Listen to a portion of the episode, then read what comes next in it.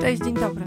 Ja nazywam się Angelika Chimkowska i witam Cię w pierwszym odcinku podcastu Silna Marka w Praktyce, w którym opowiem o tym, po co w ogóle ten podcast, jakie są założenia dla tego podcastu, co będziemy robić spotykając się cyklicznie w ramach podcastu, a przede wszystkim kto jest ojcem chrzestnym tego podcastu i co powiedzieli mi w kontekście kręcenia podcastów najbardziej znani podcasterzy w tym kraju. To co? Zaczynamy.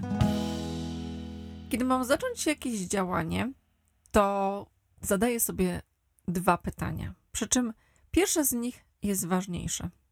Po pierwsze, zadaję sobie pytanie, po co miałabym to robić? I pewnie większość z Was jest w takiej sytuacji, że Wasz dzień jest wypełniony po brzegi i właściwie pewnie najlepszym rozwiązaniem byłoby usunięcie jeszcze kilku działań niż dodania, dodanie kolejnego działania.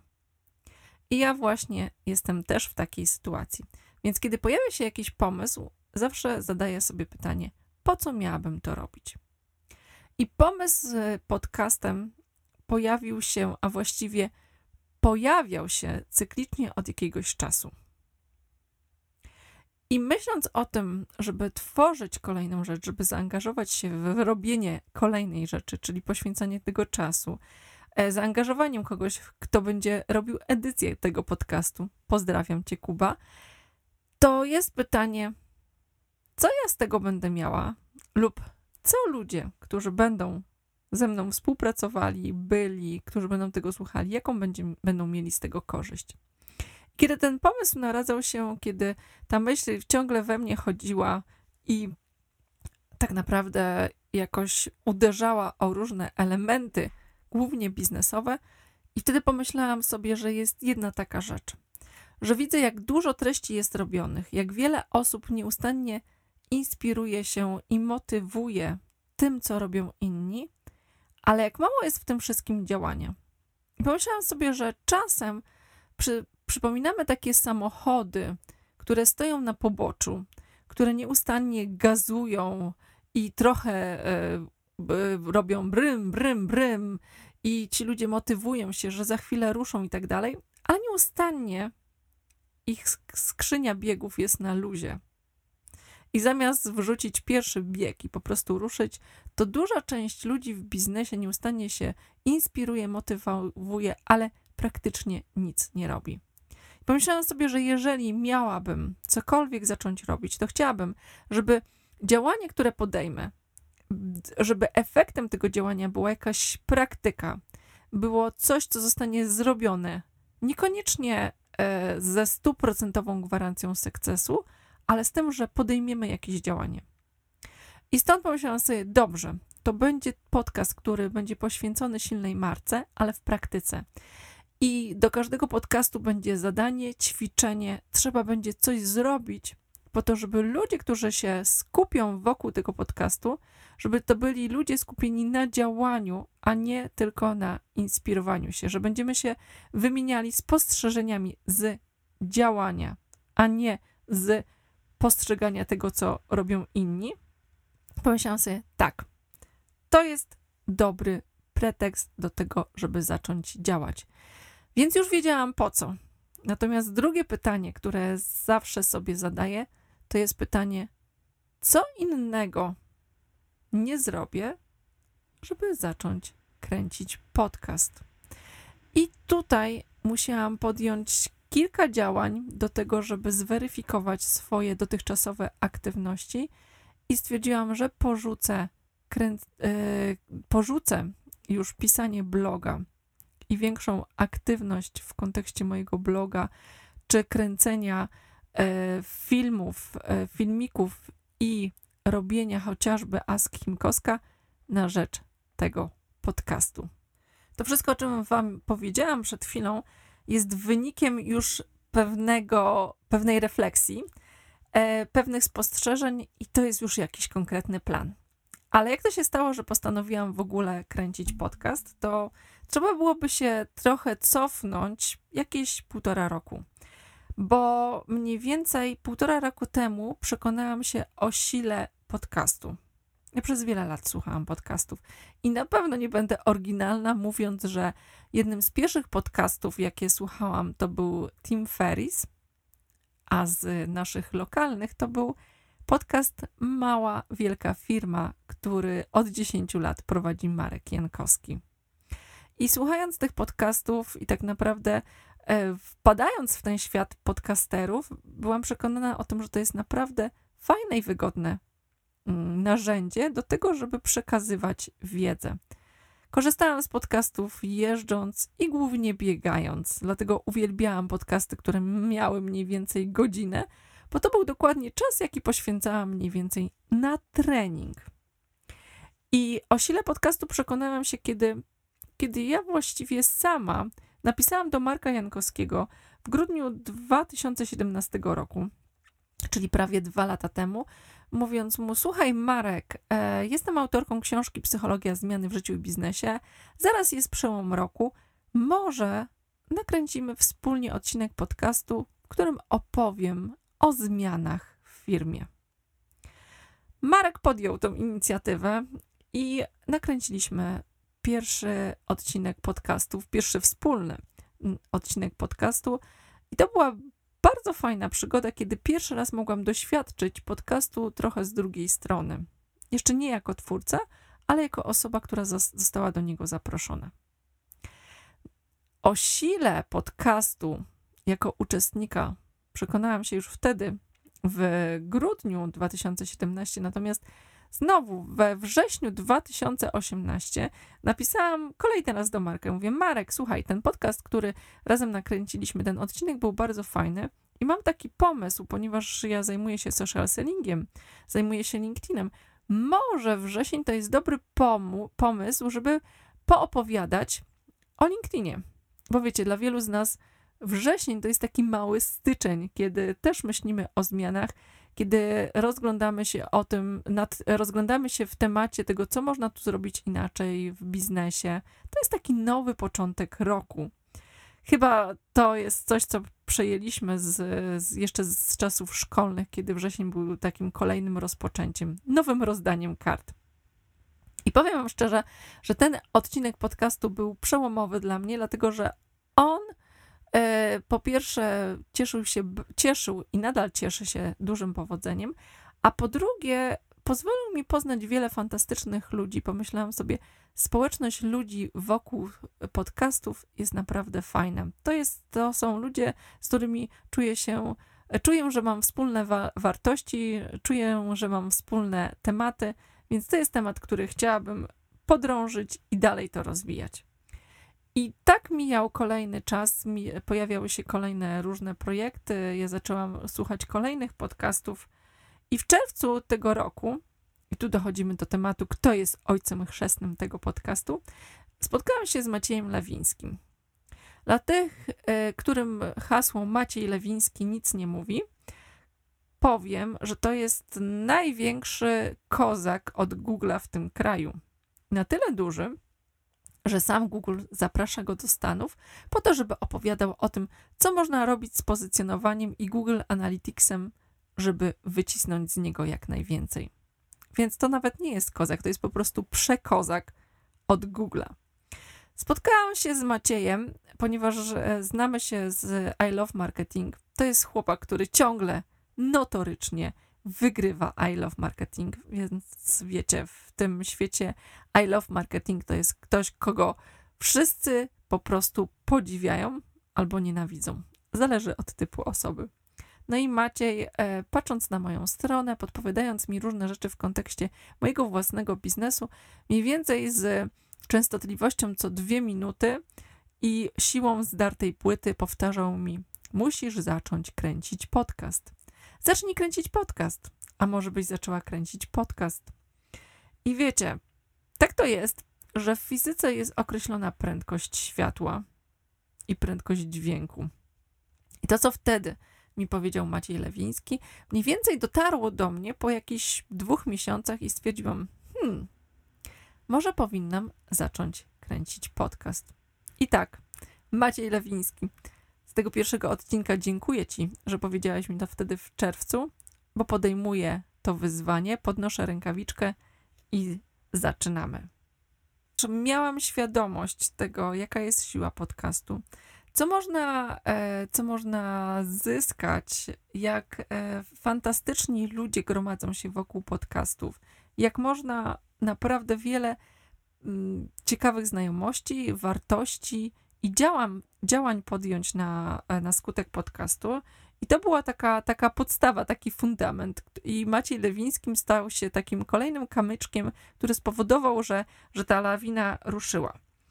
Natomiast od postanowienia do działania jest czasem długa droga i musi, musi się wydarzyć wiele rzeczy.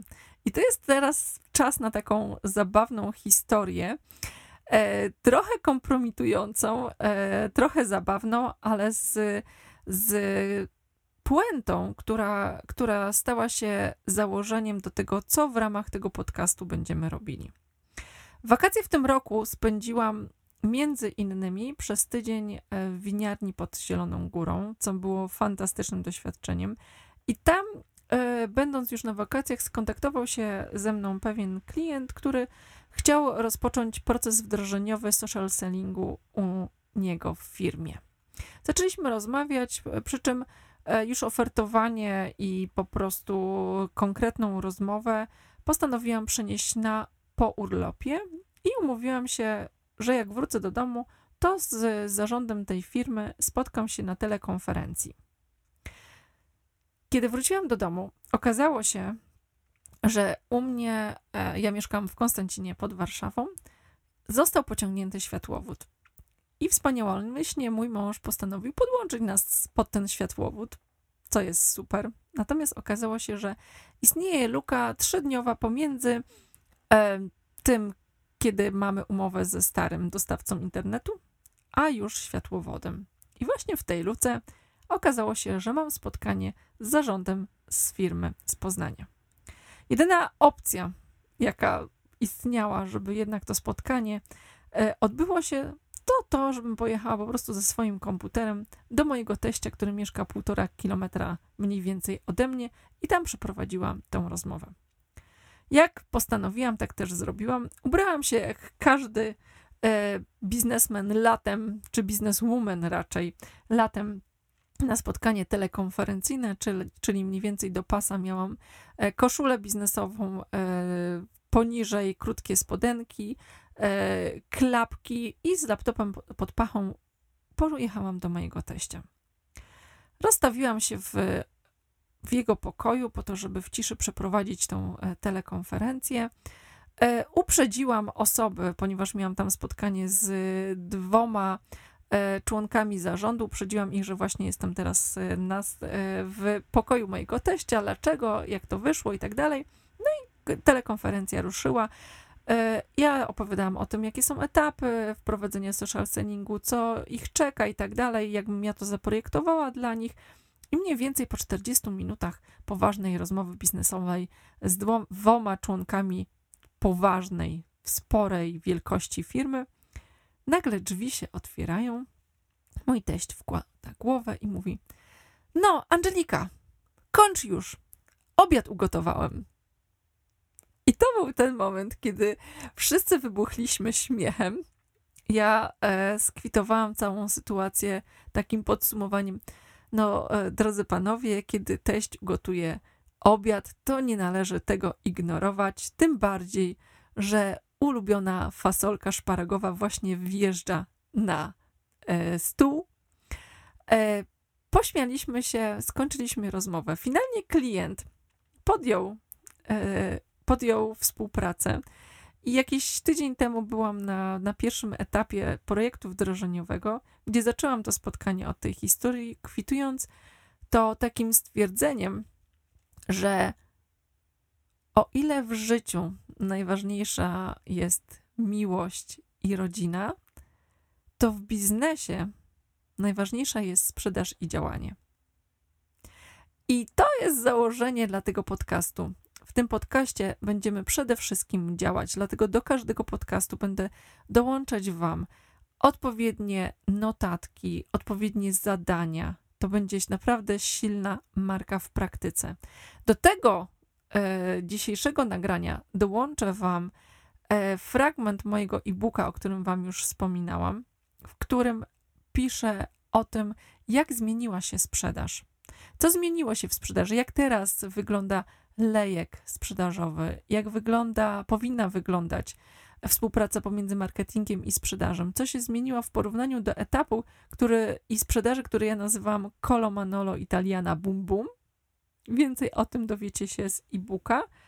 I to jest coś praktycznego, co możesz zrobić po odsłuchaniu tego podcastu. Zastanowić się, co możesz zmienić w swojej sprzedaży, jak zmieniło się otoczenie biznesowe i co ty praktycznego możesz zrobić, żeby zacząć działać inaczej. Obiecałam na początku tego odcinka, że opowiem o tym, jakie rady otrzymałam i co mi powiedzieli podcasterzy, którzy zajmują się podcastowaniem na tyle długo, że uważam, że warto wysłuchać tego, co mają do powiedzenia. Zapytałam e, trzy osoby, trzech podcasterów zajmujących się podcastami biznesowymi o to, co zrobiliby inaczej, o to, jakie dobre rady by dali sobie i innym osobom zaczynającym przygodę z podcastowaniem. I wśród tych osób znalazł się Marek Jankowski, Greg Albrecht i Jacek Kłosiński. A sam pomysł na to, żeby właśnie ich o to zapytać, wynikał z pewnej mojej takiej historii i już tradycji, bo to właśnie stało się tradycją pytania ludzi, którzy mają doświadczenia w danym temacie, w momencie, kiedy ja zaczynam się zajmować czymś nowym. W 2015 roku po raz pierwszy podeszłam do tematu pisania książki. I wtedy, kiedy stwierdziłam, dobrze, napiszę książkę, a za sobą miałam jedynie takie projekty jak praca magisterska, projekty, które w jakikolwiek sposób mogły być do tego podobne, to, to książka wydawała mi się czymś olbrzymim, czymś e, zupełnie nieznanym i nie wiedziałam, od której strony właściwie ten temat ugryźć. I wtedy uświadomiłam sobie, że znam przynajmniej kilkanaście osób, które napisały książkę. Więc grzechem by było nie skorzystać z wiedzy i doświadczenia tych osób i po prostu do nich napisałam, zadając im trzy pytania o to, co zrobiliby inaczej, jakie dobre rady daliby osobie początkującej w, tej tem w tym temacie. I tak po tych odpowiedziach skróciłam sobie drogę pisania książki i znacząco sobie ułatwiłam cały proces. I od tamtej pory właściwie często, kiedy zabieram się za zupełnie nowy projekt, zaczynam od tego że znajduję ludzi, którzy znają się w tym temacie, zadaję im konkretne pytania i staram się wsłuchać w odpowiedzi na tyle, żeby w tym wszystkim też nie zgubić swojej własnej drogi i żeby to decyzje, które podejmę i rzeczy, które będę robiła, żeby były nadal spójne ze mną, chociaż wynikające z doświadczeń kogoś innego. Jakie pytania zadałam e, podcasterom? Zaczynamy. Pierwsze z nich było, Podaj mi proszę trzy dobre rady, jakie dałbyś sobie teraz, gdy masz już za sobą tyle odcinków podcastu. Marek Jankowski, który z tej grupy jest najstarszym, może nie wiekiem, ale doświadczeniem podcasterem, bo jak wiecie, podcast kręci od 10 lat, napisał mi coś takiego. Patrz na to, co robią inni, ale rób po swojemu. Nie naśladuj nikogo. Po drugie, nie przejmuj się statystykami w nawiasie, zwłaszcza na początku, tylko angażowaniem słuchaczy. I po kolejne, buduj listę adresową. Greg Albrecht napisał mi, prawdopodobnie odpuściłbym sobie wideo, dlatego że to jest wysoki koszt, a niski zwrot z zainwestowanego czasu.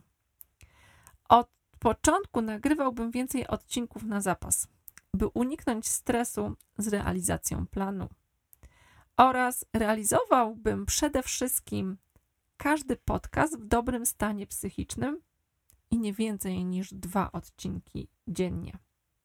Dzięki Greg, bardzo fajne i praktyczne rady. Natomiast Jacek Kłosiński napisał mi: Najważniejsza rzecz to wyróżni się jakoś.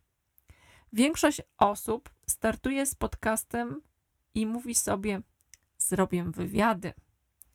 A tego przecież jest pełno. Nie zastanawiają się, co może sprawić, że ich podcast będzie inny, ciekawszy. Zrób coś inaczej niż wszyscy. Drugie pytanie z listy, które zadałam naszym podcasterom, brzmiało: trzy najważniejsze aspekty tworzenia podcastów, których nie warto zaniedbywać. Marek Jankowski napisał mi: Przede wszystkim wartość dla słuchacza. Co konkretnego będzie miał z tego, że posłucha danego odcinka? Nawiązywanie więzi. Podcastów słucha się nie tylko dla merytoryki, ale też dla twórcy. I ostatnia rzecz to poprawność techniczna. Aby było dobrze słychać, nawet na ruchliwej ulicy lub w aucie. W tym samym temacie Greg Albrecht napisał mi treść, konsekwencja, regularna publikacja plus spójność, czyli przewidywalność dla słuchaczy, dobór tematów, gości. Żeby to wszystko było spójne i związane z głównym tematu podcastu. A przede wszystkim autentyczność i skupienie na wartości dla odbiorcy, ani na sobie samym i swoich celach. Druga rzecz, którą mi podpowiedział, to było opisać proces, by mieć określone, gdzie, kiedy i jak nagrywamy, plus dobry zespół realizacyjny, który da wartość dodatnią, na przykład montażysta. W tym miejscu pozdrawiam Kubę, który zdecydowanie jest mocną stroną tego podcastu i bez niego na pewno by nie powstało to nagranie. I trzecia rzecz, o której napisał mi Greg, nie słuchać innych podcastów, by nie stracić swojego autentycznego głosu. Słuchać za to feedbacku od słuchaczy. Dzięki Greg. Też uważam, że e, niesłuchanie i naśladowanie, e, niesłuchanie podcastów innych może Y, spowodować, że będę bardziej twórcza i że szybciej znajdę swoją indywidualną drogę.